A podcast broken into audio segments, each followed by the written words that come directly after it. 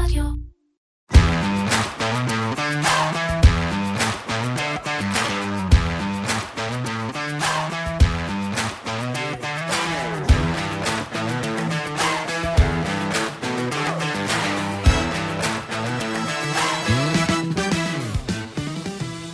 שלום וברוכים הבאים לפרק נוסף של פודקאסט מנועי הכסף של כלכליסט עם הכלכלן והאסטרטג הראשי של פסגות, אורי גרינפלד, אהלן אורי. אהלן שי. Uh, היום uh, פרק uh, יחסית עמוס, הרבה נושאים, אנחנו ניגע בשני נושאים שאולי לא קשורים אחד לשני, uh, uh, בהחלט לא קשורים. בחלק הראשון נדבר על קריפטו, על המהלכים האחרונים. אה, נדבר עם אה, אורי ארדמן, כרגיל, אנחנו כבר לא צריכים אה, להציג אותו, הוא, הוא מגיע אלינו אוטומטית פעם ברבעון בערך. ובחלק השני נדבר על האוניברסיטאות, מה שקורה בארצות הברית, וננסה להבין האם יש אה, אה, קשר פה כלכלי כלשהו, ו, ואיך רואים, אם בכלל, את ההשפעות בוול סטריט, האם זה קיים, או, או, או וול סטריט מביעה איזושהי עמדה אה, כלשהי. אה, טוב, אני מציע שישר אה, נתחיל. אהלן אורי, מה שלומך? בסדר גמור, מה העניינים חבר'ה? כיף להיות פה. תודה רבה שהגעת, אז אה, אולי נתחיל ב... תק, איך נגיד את זה? תקציר האירועים הקודמים מאז שנפגשנו. הרקע לכל המהלך הזה, ואנחנו... אנחנו לא אוהבים להתייחס לזה, אבל העלייה החדה שהיה במחיר של הביטקוין, ואתה תמיד אומר, כן, זה לא כזה, זה לא העיקר. כן, אז בסופו של דבר, קרו כמה דברים שהתוצאה שלהם זה השתקפות בין השאר במחיר של הביטקוין. הדבר הראשון שקרה, והוא אולי uh, משמעותי ביותר, או שני דברים משמעותיים, זה שהשוק עובר תהליך של קתרזיס, תהליך של התנקות, שהתחיל בקריסה של צלזיוס ו-FTX וויאז'ר, Three Arrows ואחרים, אה, ועכשיו הגיעה נקודת השיא של זה, שבעצם Binance, שהיא השחקן הכי גדול בעולם בתחום הקריפטו, הגיע לאיזשהו settlement מול התביעה שלו אה, בארצות הברית. מה זה אומר שחקן? מה, מה, מה בעצם הפעילות שלה? Binance הוא exchange, הוא מקום שהוא זירת מסחר לקריפטו הכי גדולה, היא גלובלית. אמ, אמ, היא הואשמה בהפרה של דיני ניירות ערך והפרות אחרות, ובעצם הצליחה ככל הנראה לשלם 4 מיליארד דולר אה, ו-to settle, וזה בעצם השחקן או הנקודה האחרונה שאנחנו יכולים להגיד שיצאנו למקום חדש, ל-environment חדש, שהוא הרבה יותר אה, הגיוני, נקי וכולי. אגב, אורי, אני לא, מבחינה משפטית, לא יודע עד כמה אתה אה, בתוך הדברים, אבל עצם זה שיש אה, איזשהו settlement עם Binance, אה, זה אולי מגדיר גם את החוקים של מה, האם זה נייר ערך, איך מגדירים קריפטו, מה הרגולציה שפתאום, כאילו, האם זה מתחיל לייצר גם איזושהי רגולציה יותר דומה לניירות ערך בעולם הזה? אז אה, אין, אה, דרך אגב, זו שאלה טובה. היה, היה את אותם תהליכים גם עם Kraken ו Coinbase, שהן שחקניות אמריקאיות, ובהחלט כל פסק דין כזה וכל settlement עוזר לנו להגיע למקום שסוף סוף תהיה הסדרה ורגולציה. יש תהליך יותר מעניין, אם אנחנו נכנסים לזה בהקשר של הרגולציה, זה הנושא של ה-ETF לספוט ביטקוין, אה, שבעצם יש שבעה שחקנים בעולם, הכי גדולים בעולם, בלק רוק, פידליטי ואחרים, שנמצאים בתהליכים שונים מול ה-SEC כדי לקבל אישור לעשות ETF סדור, נורמלי ואחיד לספוט ביטקוין.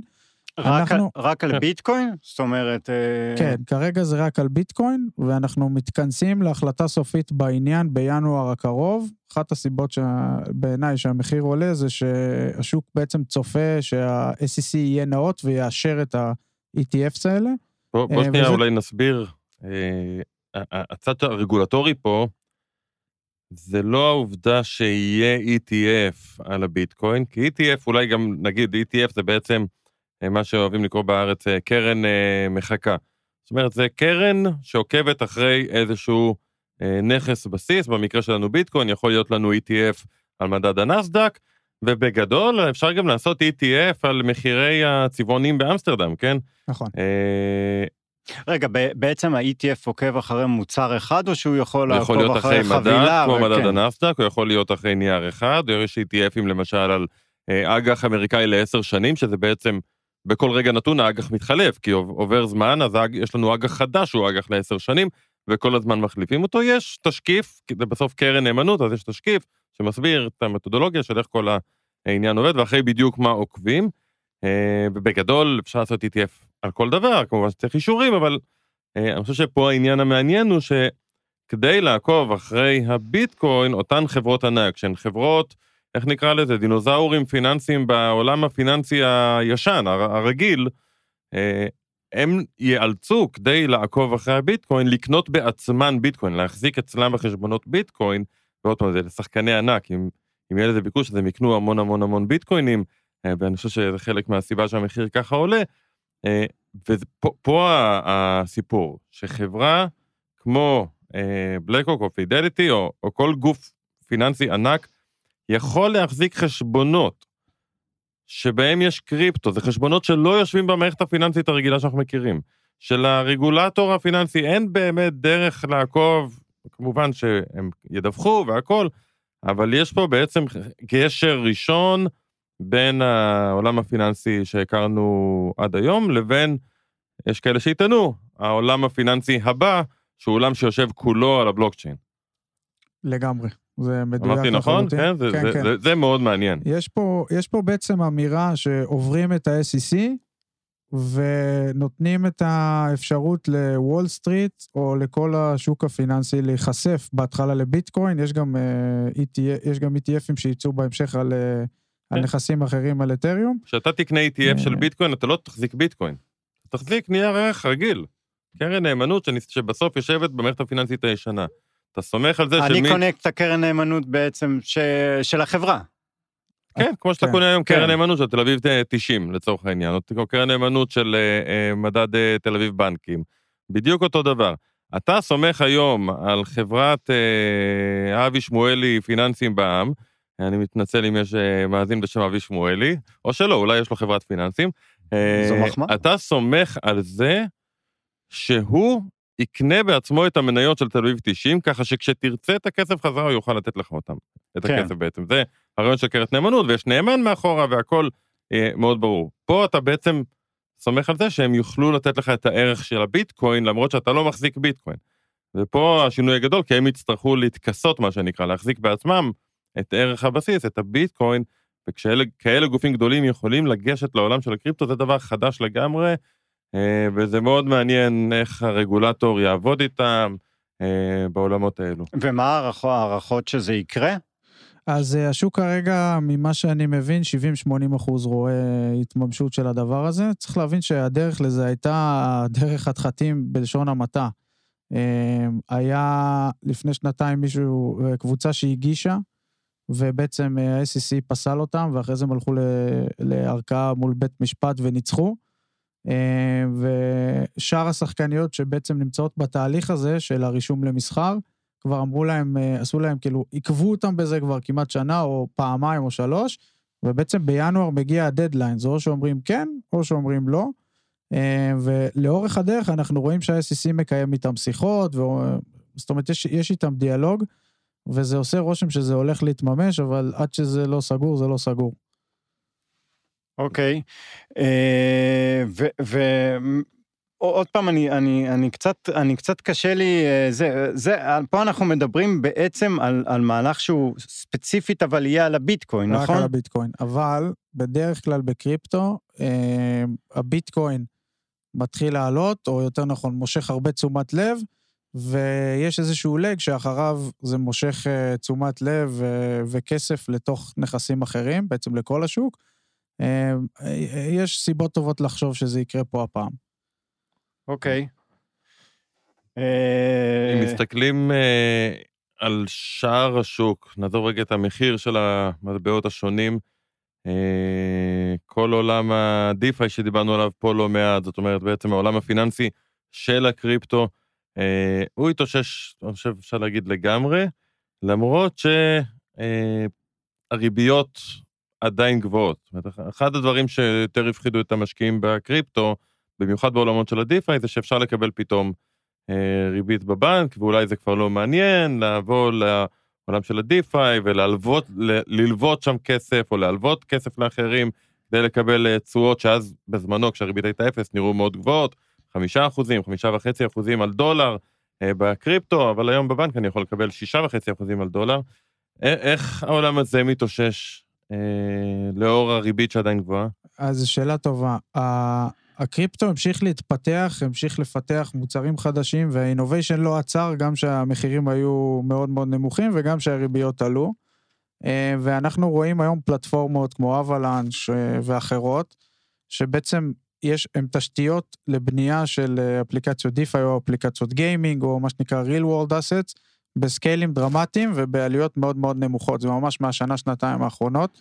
אז השוק הוא, הוא עבר בשלות ברמת הפלטפורמה והטכנולוגיה, שהוא הרבה יותר מוכן לסקייל ממה שהוא היה לפני שנתיים. Uh, התגובה של המחירים, בדרך כלל יש, uh, יש בקריפטו uh, קורלציה חלשה בין איפה שהמחירים נמצאים לבין איפה שהאינוביישן. זאת אומרת, הרבה פעמים מחיר מאוד גבוה והאינוביישן לא מתפתח, או כמו עכשיו, שהמחירים uh, לכאורה יחסית נמוכים במונחים היסטוריים והאינוביישן מאוד מאוד התפתח. אנחנו רואים היום אפליקציות רגילות, דברים רגילים שנבנים, מעל, מעל הבלוקצ'יין, שזה כל התחום נקרא, דרך אגב, real world assets. סתם אני אתן לכם אה, דוגמה כדי להמחיש את זה, היום אפשר לקנות טרז'ריז ב-DeFi, מה שאי אפשר היה לפני שנתיים, אבל לקבל תשואה. אה, הטרז'רים שנסחרים... נגיד אגרות חוב של ממשלת ארה"ב. כן. אתה כן, קונה כן. בעצם מוצר שמחקה אותם. אתה קונה טוקן שמחקה אותם, כן? יש, זה, זה היה 100 מיליון דולר תחילת שנה, זה כבר קרוב למיליארד דולר, זה משהו כמו 900 מיליון דולר היום, and growing. זה אומר שכל מי שיש לו קריפטו על רשת האתריום, יכול היום לקחת אותו, להפוך אותו ל-USDC ולהיחשף לטרז'ריז. לקבל את הריבית באותו אופן, וזה מקרב זה, אותנו זה, ל... זה, זה משהו חוקי? זה חוקי לחלוטין. זה חוקי, ולא רק שזה חוקי, אתה גם uh, מהפלטפורמות האלה יכול לקבל, uh, זאת אומרת, זה לא, זה לא בדיוק אישור ניקוי מס, אבל זה מאוד מסודר, זאת אומרת, יודעים מה היה לך, בחלק מהם אתה אפילו צריך לעבור KYC, אז זה, לשם זה הולך. תראה, יש, זה מוצר שהוא תחליפי עם סיכונים מסוימים, צריך להגיד. Uh, מעבר לעמלת קנייה, יציאה מתוך הקריפטו לעולם הרגיל, בסוף אם אתה רוצה לקחת את הכסף, uh, בניגוד לאיגרת חוב של ממשלת ארצות אמיתית, אה, פה אתה בעצם תלוי אה, במי שהנפיק את אותו טוקן, ואתה מקווה שהוא יוכל להחזיר לך את הכסף כשתצטרך.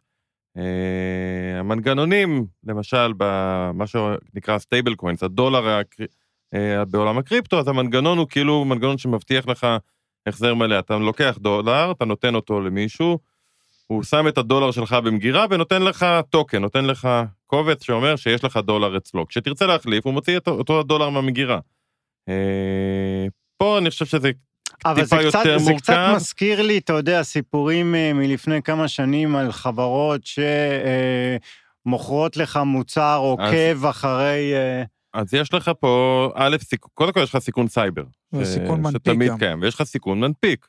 כן, האם, נשים האם, בצד את ההבטחה רגע. האם החברה הזאת שהבטיחה לך את הכסף, אה, כשתרצה להמיר חזרה את הקריפטו לדולרים רגילים, אה, האם היא תהיה? האם היא תחזיק מעמד? האם היא באמת תוכל להביא, אם פתאום כולם ירצו בבת אחת את הכסף שלהם?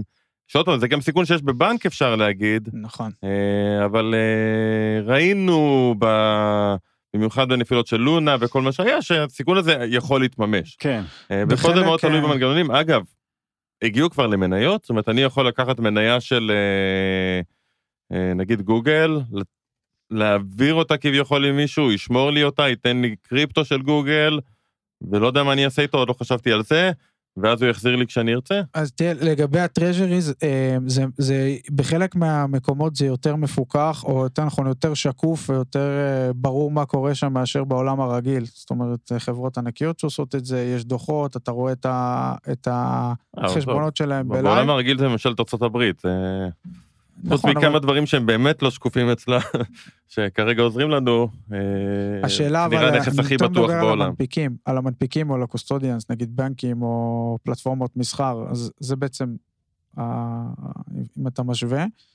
לגבי מניות, היו כמה יוזמות כאלה בעבר, אה, FTX שקרסה, היה לה מוצר כזה, אבל זה עדיין לא ככה, זאת אומרת שיש מניה בתוך חשבון בנק רגיל, ומישהו כנגדה עשה איזשהו טוקן שמייצג אותה אחד לאחד, אנחנו לא שם עדיין, אבל אני חושב כן. שהפערים הם הרבה יותר רגולטוריים מאשר טכנולוגיים, זאת אומרת, הפערים גם הטכנולוגיים פערים עדיין נמכרו. פיננסיים. אה, די נגמרו. אפשר לעשות שיחה שלמה על זה, אבל אני חושב שזה גם פערים פיננסיים, כי בסוף כשאתה מחזיק, אם תחזיק לי את מניית גוגל, אם מחר תעלה מאוד, אתה צריך איכשהו לפצות אותי על זה. אז אתה אמור להתכסות באופציה על מניית גוגל, ולהחזיק אופציה למשך זמן ארוך זה עולה הרבה כסף. נכון. אז יש פה גם פערים פיננסיים שעוד לא, וגם, עוד לא אה, פתרו. אז בגלל זה אולי הם בחרו את הטרז'ריז, כי זה הכי פחות תנודתי. נכון, זה הכי קל. זה פחות תנודתי, כן. זה וקריפטו משמעותית הוא, הוא, תנודתי. הוא, השוק הוא 24/7 ומניות זה נדמה לי 8-10 שעות ביום ולא עובד בסופש, אז יש לך גם את העניינים שבעצם יש לך מניה של גוגל שהיא נסחרת בסופש, כן. אבל... אה, כן, לא, היתרונות של קריפטו. אני חושב שהם ברורים. אה,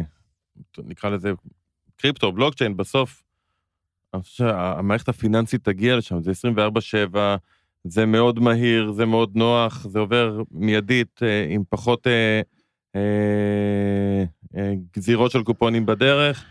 אה, זה פשוט, הבעיה היא איך הממשלות מצליחות, אני חושב, עוד פעם, בסוף, אני חושב, תמיד חוזר לאותה נקודה.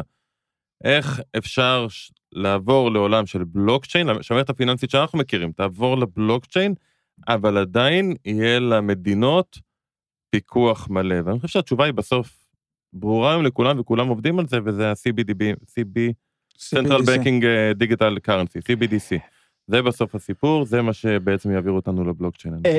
אה, תן לי לשאול אותך משהו לסיום. אני רוצה להבין, כל ה- מה שיש לנו במלחמה בחודשיים האחרונים, איך התעשייה מקבלת את זה ש... שוב, אולי זה רק בעולמי, אבל אה, אה, כל החיבור הזה שהיה בין הכספים של אה, קטר וחמאס, שעבר דרך הבלוקצ'יין, זה לא... המוניטין לא... לא... הם לא הרוויחו מהמוניטין, התעשייה לא הרוויחה מהמוניטין בעניין הזה, אלא ההפך. איך מתמודדים עם זה? תראה, הנושא הזה של הלבנת הון והעברת uh, כספים באופן לא חוקי, הוא היה גם במערכת הבנקאית הרגילה, זה נכון שקריפטו uh, הפך או הופך את זה ליותר קל, זה נכון. אני רוצה אה, להגיד יש לך... הבדל בין הלבנת הון לבין אה, אה, אה. תשלום על אה, רקטות. תשלום על רקטות. אני רוצה להגיד לך שהתעשייה אה, פה בארץ נרתמה לזה, וישבו הרבה מאוד חבר'ה, עשרות חבר'ה, ועזרו אה, למי שצריך לעזור לו למצוא את הכתובות ואת הטרנזקציות הלא טובות, או שעברו לחמאס. אה, ומדינת ישראל, אני חושב, עשתה עבודה די יפה בזה, ופנתה לאקסצ'יינג'ים ומקורות אחרים בשביל לחשוף את אותם חשבונות של חמאס. אז הצד השני של זה, זה נכון ש... אה, אה, מתממן ככה, או ארגוני טרור אחרים, אבל זה שקוף וטרנספרנט, ואנחנו יש, יכולים, מדינת ישראל יכולה, או אחרים יכולים לבנות יתרון, להפוך בעצם את החיסרון הזה ליתרון ולהתחקות אחרי הכסף הזה יותר בקלות. אה, אז צריך, אז בעצם למטבע הזה יש שני צדדים. כן, אוקיי. וראינו גם אה, השבוע שחמאס יודע להרוויח גם בלי בלוקצ'יין. כן. פשוט עושה שורטים על אה, מדד בתל אביב. כן. כן, זה לא סיפור כל כך לי- אה, נכון, אבל... יש לי נתון מעניין לסיום. 70, אח- אה, השווי שוק של ביטקוין הוא כיום כ-800 מיליארד דולר. 70 אחוז מהביטקוינים בסירקולציה לא זזו, כלומר לא נמכרו בשנה או שנה וחצי האחרונות, אה, למרות שהמחיר עלה 150 אחוז. ואני לא חושב שיש שום נייר ערך בעולם, אורי תקן אותי אם אני טועה, שלא החליף ידיים בצורה כזו, למרות עלייה כזו ובשווי שוק כזה. אה, וזה מעיד על ה... בוא נקרא לזה סוג של cut של מחזיקים שיש את זה, שהם בליברס, ו... ואני חושב שזה סימן טוב לבאות. קאט או שפשוט קשה להם לממש. לא, זה לא... לא? נראה לי- יותר בכיוון של ה-cut. אוקיי, גם פרשנות. כן. אגב, זה לא דבר שהוא טוב, הייתי אומר, לטווח הארוך. כי אם אתה, אם אתה רוצה לקרוא לזה נייר ערך, אתה צריך שתהיה תנועה כל הזמן, אה, ושתהיה נזילות, שיהיה שוק עמוק. אם אני פתאום רוצה למכור מחר שתי מיליון אה, לא, דולר. בביטקוין, אה, אני רוצה שיהיו קונים כמה שאפשר, ושהמחיר יהיה כמה כן. שיותר... יותר מזה, כישראלי, אתה היום, אזרח רגיל, רוצה לרכוש ביטקוין, אתה צריך גורם שלישי עדיין. כן, כן, זה עדיין מאוד מורכב, זה עדיין בעיה. עולה הרבה, אה, שזה מוזר לגמרי, בארצות הברית אתה מהנייד, אתה קנית 0.1, מה נכון. שאתה רוצה. נכון. אוקיי, אה, תודה רבה. תודה אה, רבה, אורי, חברים. נהנינו. אז אנחנו בחלק השני של הפרק שלנו, אנחנו אה, שמחים לארח את אה, אה, רבקה כרמי, פרופסור לרפואה וגנטיקה, כי רבקה כיהנה כנשיאה השישית של אוניברסיטת בן גוריון בנגב עד שנת 2018, ודיקנית הפקולטה למדעי הבריאות בבן גוריון. אה, והיא האישה הראשונה אה, שכיהנה בשני תפקידים אלה. אה, נכון? אני צודק? נכון. תודה רבה שוב שהצטרפת אלינו, ואנחנו אה, כאן בעקבות העדות, ה, אפשר להגיד, אה, מצמררת אה, בהחלט, שעשתה רעש, לא רק בארץ, אלא ב, ב, לא רק בארצות הברית, אלא בכל העולם. אה, אני מדבר על שלוש נשיאות האוניברסיטאות, MIT, פנסילבניה והרווארד. אני רוצה להתחיל איתך, אה, אה, רבקה, דווקא ללכת טיפה אחורה. מה, מה השורש, ה... הרי אין ספק שיש ניחוח אנטישמי בעדות הזאתי, מה השורש של הדבר הזה ספציפית באוניברסיטאות האלה? קודם כל אני מוכרחה לומר שיש יותר מאשר ניחוח. אה, יש אנטישמיות גלויה, בוטה, אה, שבוא נאמר, אה, הייתה, רתחה מתחת לפני השטח שנים, וכרגע יצאה באופן מאוד אגרסיבי, בוטה, אלים, כבר אי אפשר להתעלם מזה בכלל. אנחנו בעבר אמרנו, לא כל דבר הוא אנטישמיות ולא כל ביקורת על ישראל זה אנטישמיות, אבל היום ברור לנו בדיעבד שהבסיס המאוד מאוד אה, אה, ברור לכל הנושא הזה זה, זה אנטישמיות. אני רוצה לומר ששנים רבות, אנחנו בוודאי כבר שני עשורים, אה, עוסקים on and off בנושא של ה-BDS, אה, שקיים באוניברסיטאות, בעיקר אוניברסיטאות העילית כבר שנים רבות, אה, ויצא לנו גם כנשיא האוניברסיטאות פה להתמודד עם כל מיני היבטים של ה-BDS, כולל אה, איומים לחרם. אה, חרם על ישראל בכלל, חרם על האקדמיה בפרט. זאת אומרת, הדבר הזה הוא לחלוטין לא חדש. עכשיו, אני לא ממש מצויה בתוך העולמות האלה, אבל אני, עם השנים, אני אה, נחשפתי, ועכשיו אני מבינה את זה ביתר אה, סט, כן, שבעולם האקדמי הברית בעיקר, אה, השתרשה לה תפיסת עולם מאוד טוקסית, כן, אמ, של מחלקות מסוימות, דרך אגב, מחלקות מסוימות בעיקר בעולמות אה, הרוח, אבל אה, גם אה, במדעי החברה, אמ, שמדברת על, ה, על, על תיאוריות חברתיות מאוד מסוימות, אה, אה, כאלה שמדברות על, ה, על קולוניאליזם ועל, אה, ועל ה, ה, על האיש הלבן, האופרסור, המדכא, אה, ולאט לאט הנרטיב האלה עוצבו אה, סביב ישראל, ומיתגו את ישראל כפרויקט קולוניאלי שיש להתנגד אליו. עכשיו, הרבה סטודנטים התבשלו בתוך המיץ הזה לא מעט שנים, בוודאי סטודנטים שנמצאים בתוך העולמות, עולמות הדעת האלה, אבל גם אחרים, גם אחרים מסביב.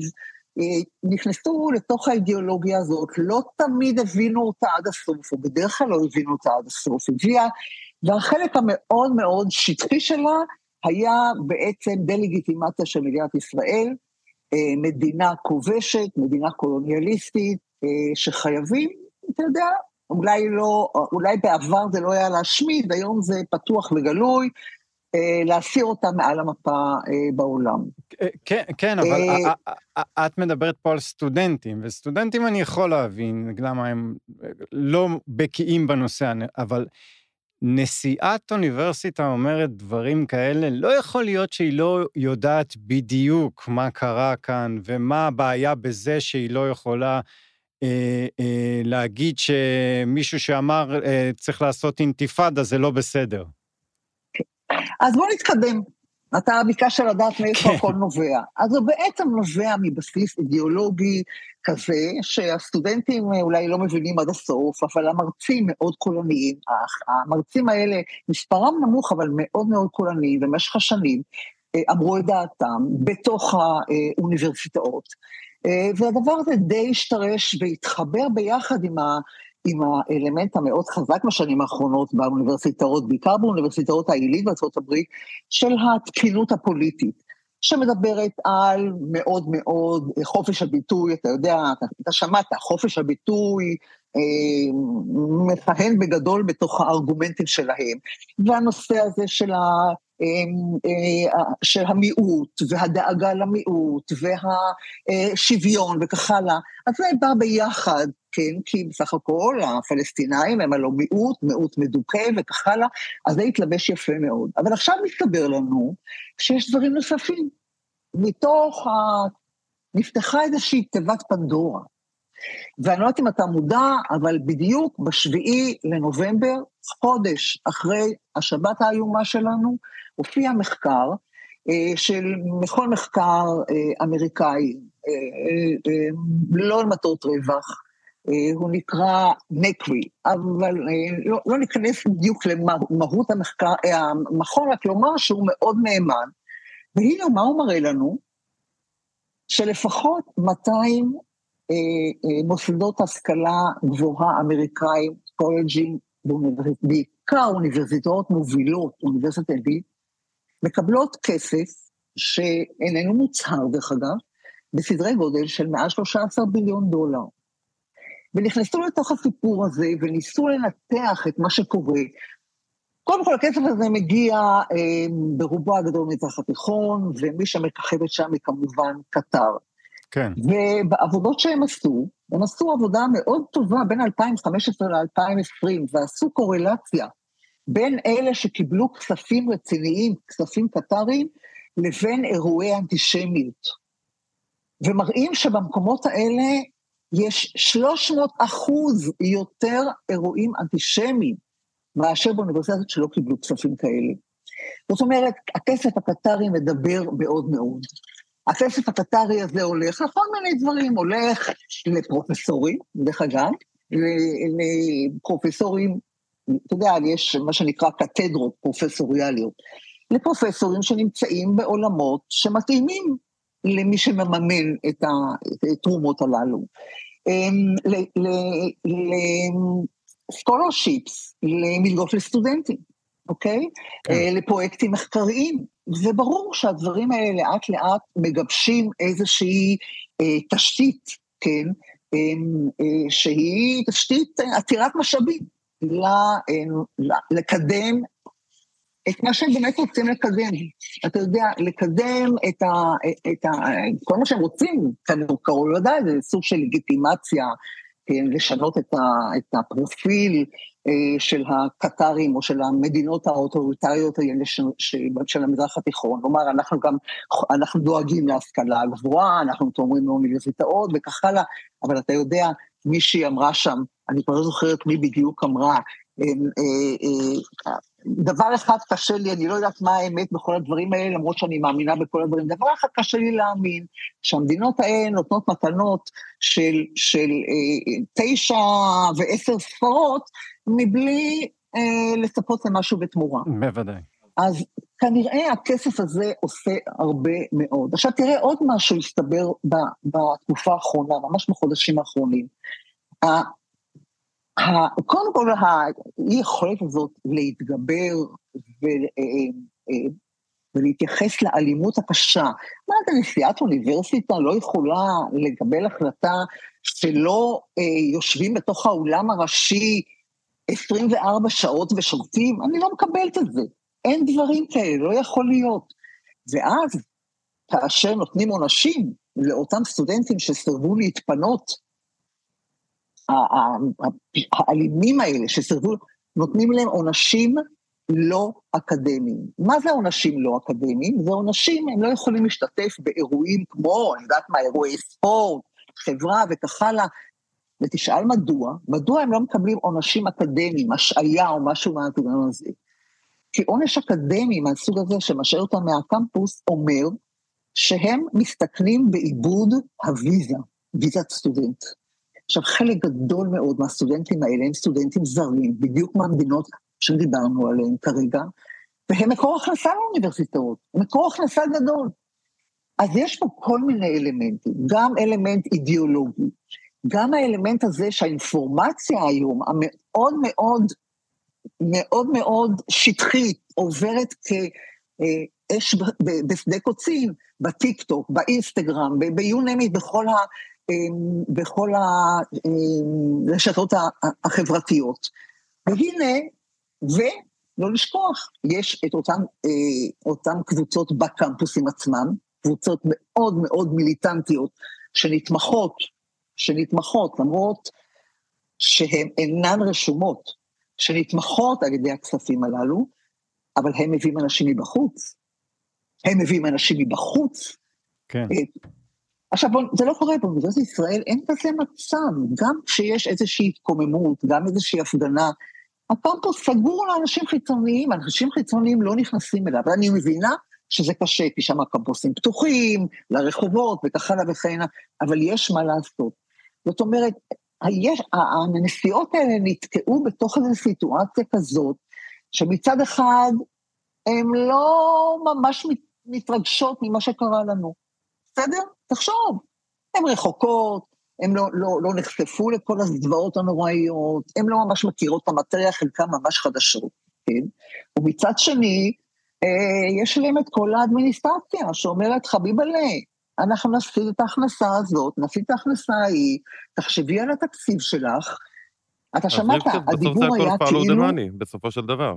נכון, לדעתך. נכון, הרבה מאוד. ודבר ו- כזה בסוף שמתם... מייצג, ופה אני אשמח לשמוע את ה, מהניסיון שלך, אה, איך נוצרת אג'נדה בעצם של האוניברסיטה? הרי בסוף יש פרופסורים, אני מניח, שהערכים שלהם לכיוון אחד, ופרופסורים של ערכים לכיוון אחר. אז קודם כל, לפי מה שאת אומרת, האג'נדה הכלכלית, אני מניח, גורמת לזה שלאט לאט ה...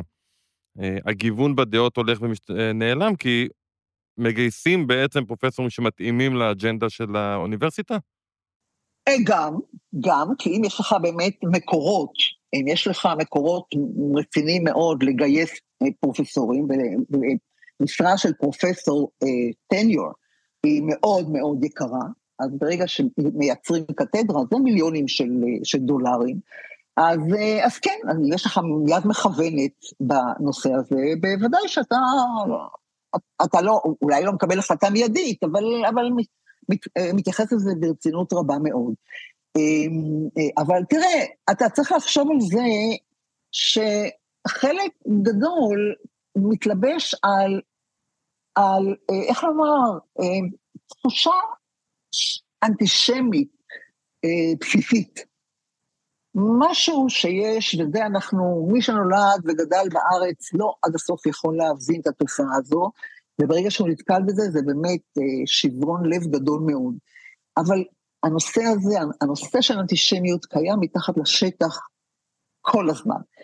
כן, עכשיו נוסף עליו הנושא הזה של האנטי ישראל ואנטי ציונות וכך הלאה, הכל נכנס לתוך החבילה, החבילה הזאת.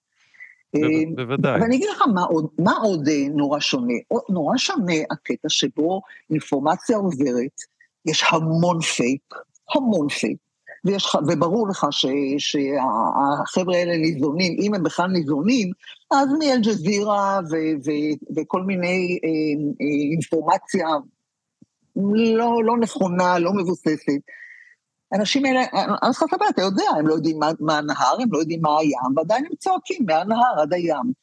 קשה מאוד, קשה מאוד בעידן שלנו, בעידן הטכנולוגי, אה, להתמודד עם הדברים האלה.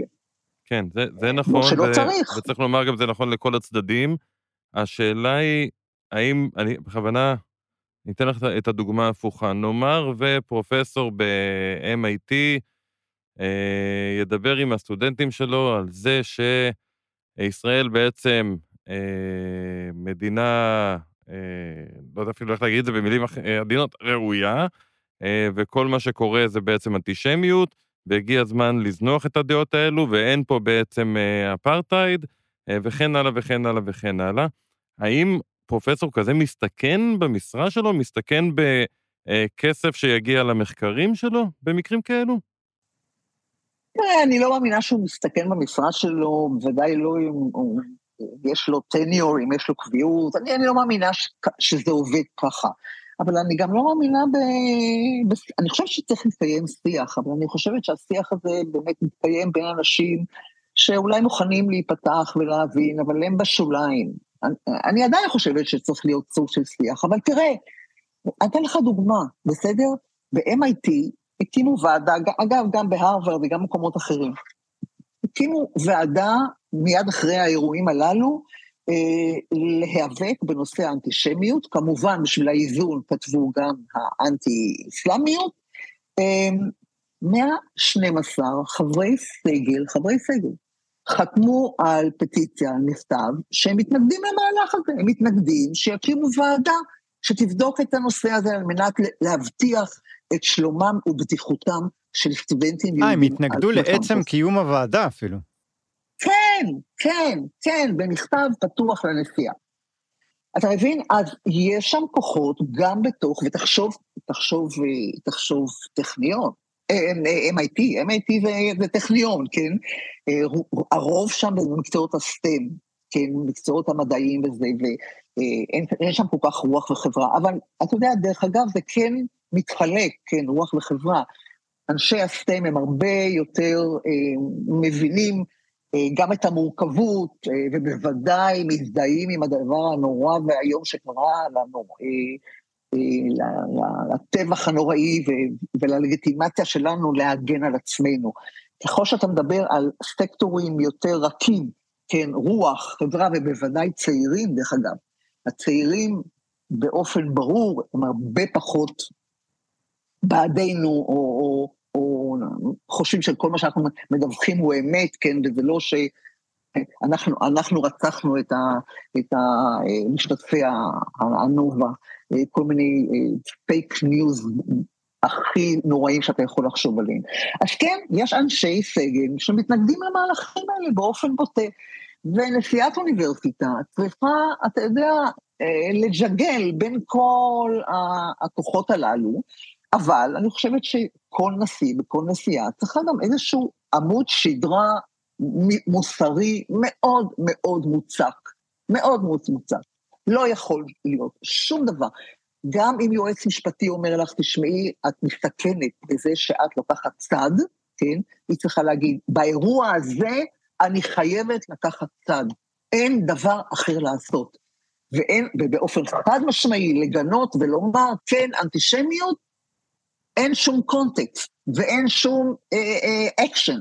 אה, אה, דיבורים אנטישמיים הם הפרת הקוד האוניברסיטאי ל, ל, אה, שמדבר על פגיעה, על הטרדה, על, אה, על אה, אתה יודע, כל החוקים כן, האלה ש, כן. שבעצם באמצעותם אפשר להעניש סטודנטים עונשים מאוד משמעותיים.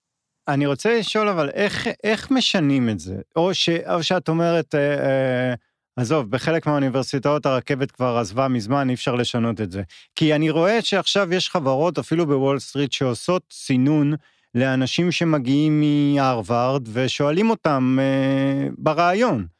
אז, ו, והתרומות, גם חלק כן. מהתרומות, אה, מפסיקים אותם, אז זו הדרך? כן, כן.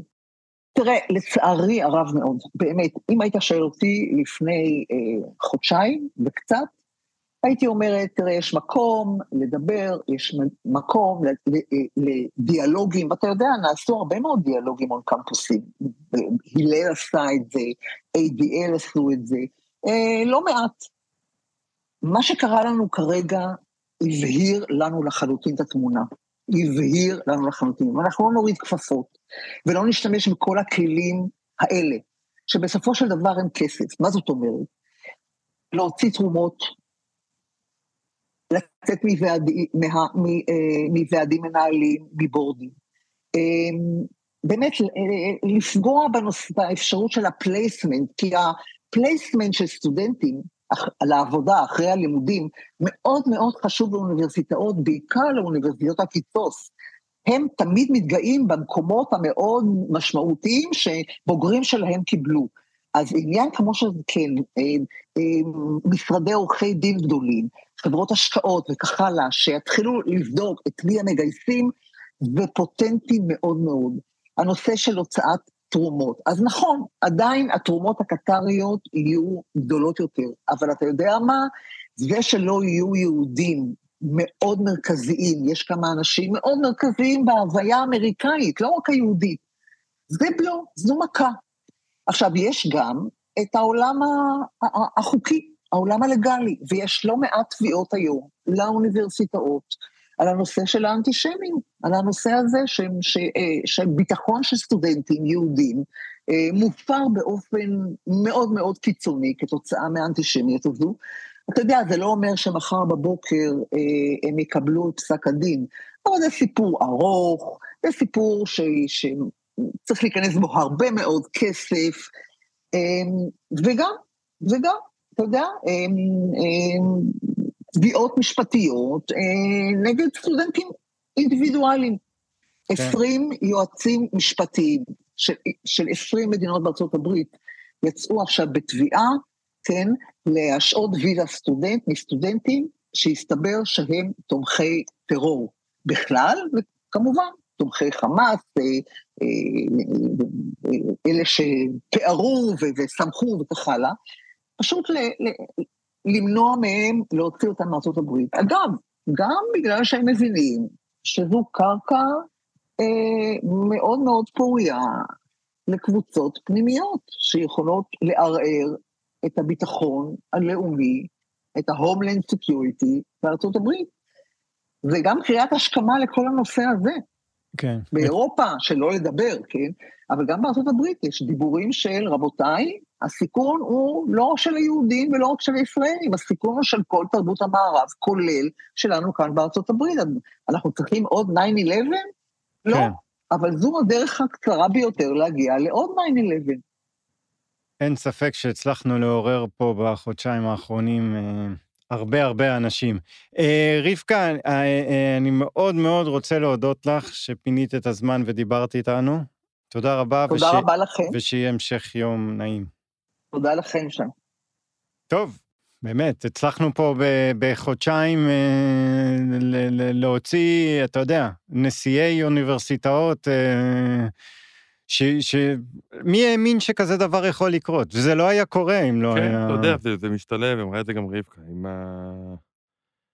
איך לקרוא לזה, הטרלול ה over פרוגרסיבי, ואני לא אוהב להשתמש במילים האלו, כי יש המון דברים חשובים ונכונים, אבל בעיקר באוניברסיטאות בארצות הברית לוקחים את זה רחוק מדי, הנושא של ה politically correct, אה, וראינו את זה בכלל בשנים האחרונות, אה, סביב ה-Black Lives Matters, ועוד המון דברים שלוקחים פשוט צעדים רחוקים מדי, שפשוט מאבדים את, ה, את המהות של מה שאתה רוצה לעשות. כן. הרי המשפט שנאמר פה בשיחה עם רבקה,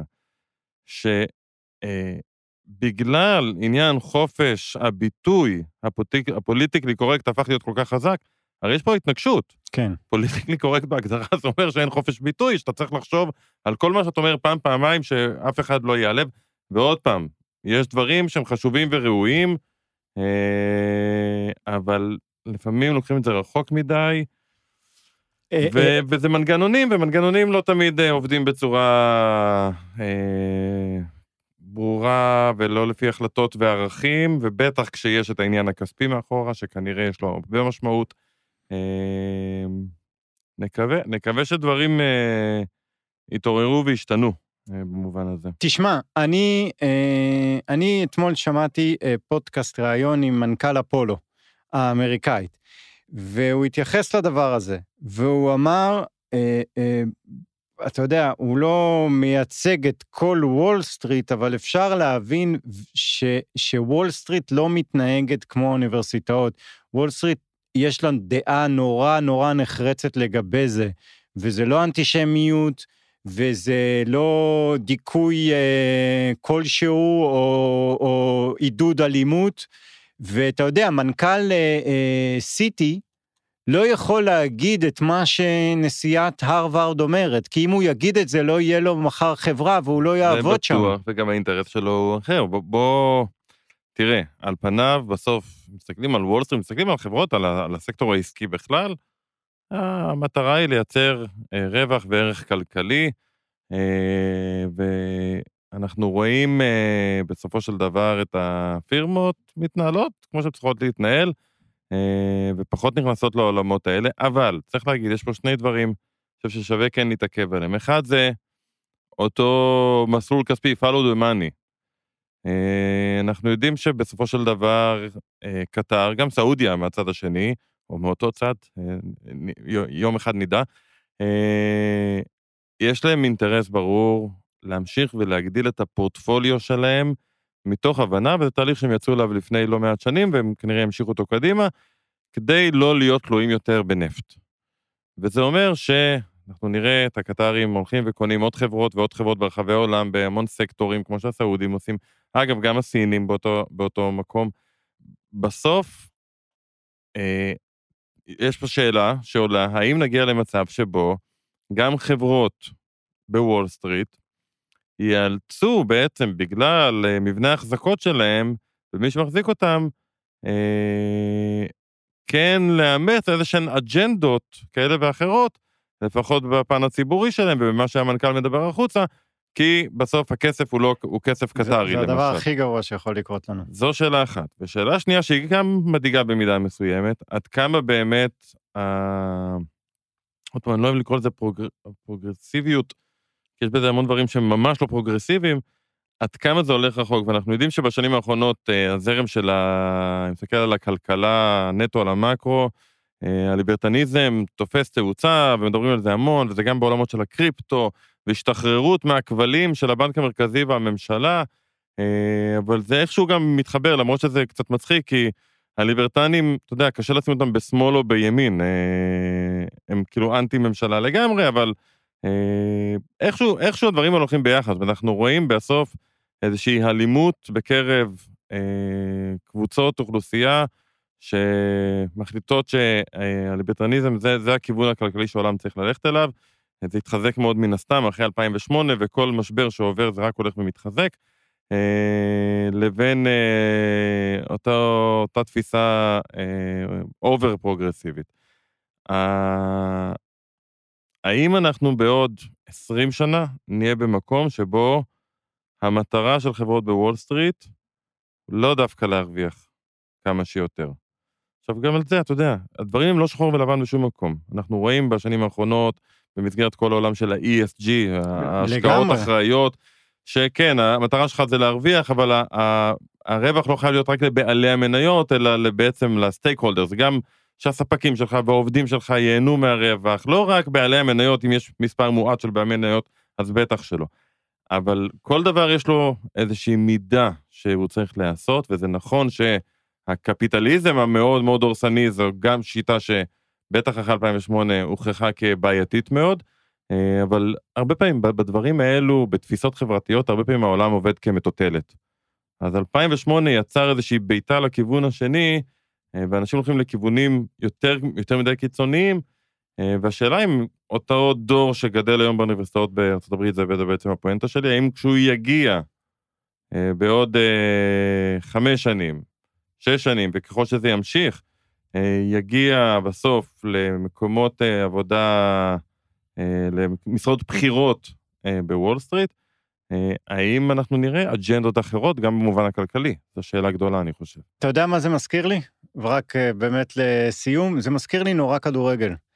הכסף הקטרי, מה שרבקה דיברה עליו, בדיוק, זה זה. זה, זה, זה. כן? זה פשוט קרה לפני הרבה שנים, זה התחיל, והנה הופ, מצאת את עצמך במונדיאל באמצע החורף בקטר, והליגה הכי אה, פופולרית והכי עשירה בעולם, הליגה האנגלית, אה, פתאום אה, לא מרשים להחזיק דגל ישראל, ואין מה לעשות. זה לא שקטר אמרה, אל תחזיקו את הדגל, אבל כאילו שהבוס שלך, כן. שבעל המניות כזה, אז... רק שלא אכפת לנו מה שחקני כדורגל חושבים, אבל כן אכפת לנו מה הפרופסורים הכי בדיוק. חשובים בעולם, צריך להגיד. כשאנחנו מדברים על יל או על כן. MIT, אלו המוסדות האקדמיים הכי חשובים בעולם, אלו המוסדות שמהם יוצאים האנשים שיובילו את העולם קדימה.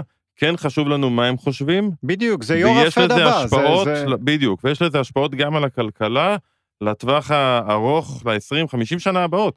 אה, ולכן זה, זה כאילו אותו תהליך, ומה שהיא אה, סיפרה על בסוף follow the money, זה מאוד מדאיג, כי אתה מסתכל על הכדורגל, אתה רואה בדיוק אותה תמונה, מדאיג מאוד. אם זה המצב, והיא הייתה, היא ניסתה, אני חושב, להיזהר גם, כן, אה, ולהגיד שלא, לא יפטרו כל כך מהר, כן. בטח שיש קביעות, אבל לא צריך לפטר, מספיק שלא נותנים לך את הכסף שאתה צריך למחקר כזה או אחר, או לגמרי. נותנים לך אה, מעבדה פחות טובה ממה שציפית, בגלל שאמרת כמה דברים אה, שלא נעימים ל, לבוסים לשמוע, אה, זה, זה דבר שהוא מדאיג, בהחלט. אוקיי, עד כאן. אה, ניקח אה, אסקפיזם קצר? אה, אסקפיזם קצר, כן, אוקיי. בוודאי. אז uh, באסקפיזם קצר יצא, יצאו נתונים על uh, כמה שעות עבודה עובדים בכל מדינה ב-OECD, ומה השכר השבועי הממוצע, uh, ושמו פה את כל המדינות של ה-OECD, זה נתונים של 2022 צריך להגיד. Uh, הדבר הראשון שלא כל כך הפתיע, אבל uh, מדהים את זה, לראות את זה כל פעם כששמים את זה בתמונה uh, על גרף יפה, זה שהקשר בין, היית מצפה שככל שנעבוד יותר שעות, השכר השבועי שלנו יגדל, נכון? כן. אז הקשר הוא ממש שלילי. ככל שמדינות שבהן השכר השבועי הכי גבוה, עובדים הכי פחות שעות. אה, ובמקום הראשון, איפה היינו רוצים לחיות, אה, אפשר לקרוא לזה תחרות המדינה הנחשקת, אז יש לנו את איסלנד, משום מה, אבל מלא אנשים מתאבדים בה, אז כנראה שזה לא רק זה. אה, או שאתה חי טוב או שאתה מתאבד. כן, עם שכר שבועי ממוצע של 1,600, כמעט 1,500 וקצת דולר.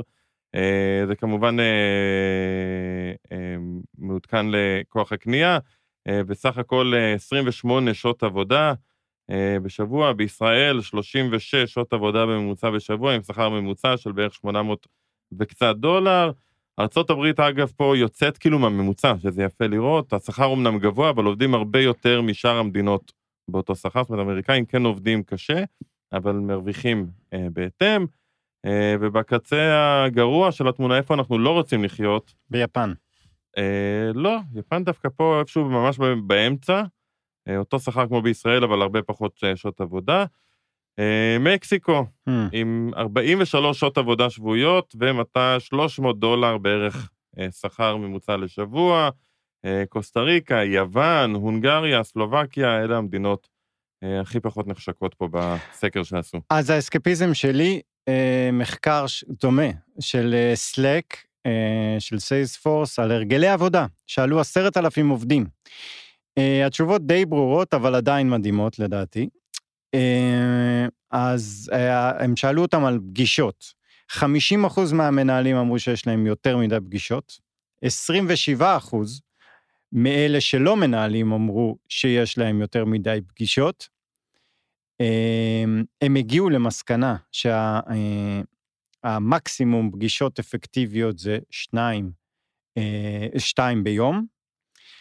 אה, אגב, שניים מכל חמישה עובדים אמרו שהם משלימים את המשימות שלהם בשעות שאחרי העבודה, בגלל שלא היה להם זמן עקב פגישות. זו, זו, זו תופעה לא, לא בריאה, לדעתי, לארגון, זה אגב קורה המון בהייטק. אמ, אגב, הצעירים, החתך אוכלוסייה הצעיר ואלו שעובדים עד שנה במקום מסוים, אמרו שיש, רוב האנשים אמרו שיש להם מעט מדי פגישות. כן, הם צריכים עוד אה, ללמוד ו... ו... או, או שגם לא להקשיב. קוראים להם, לא מזמנים או אותם. שלא קוראים להם, גם יכול להיות. תודה רבה, נשתמע בשבוע הבא.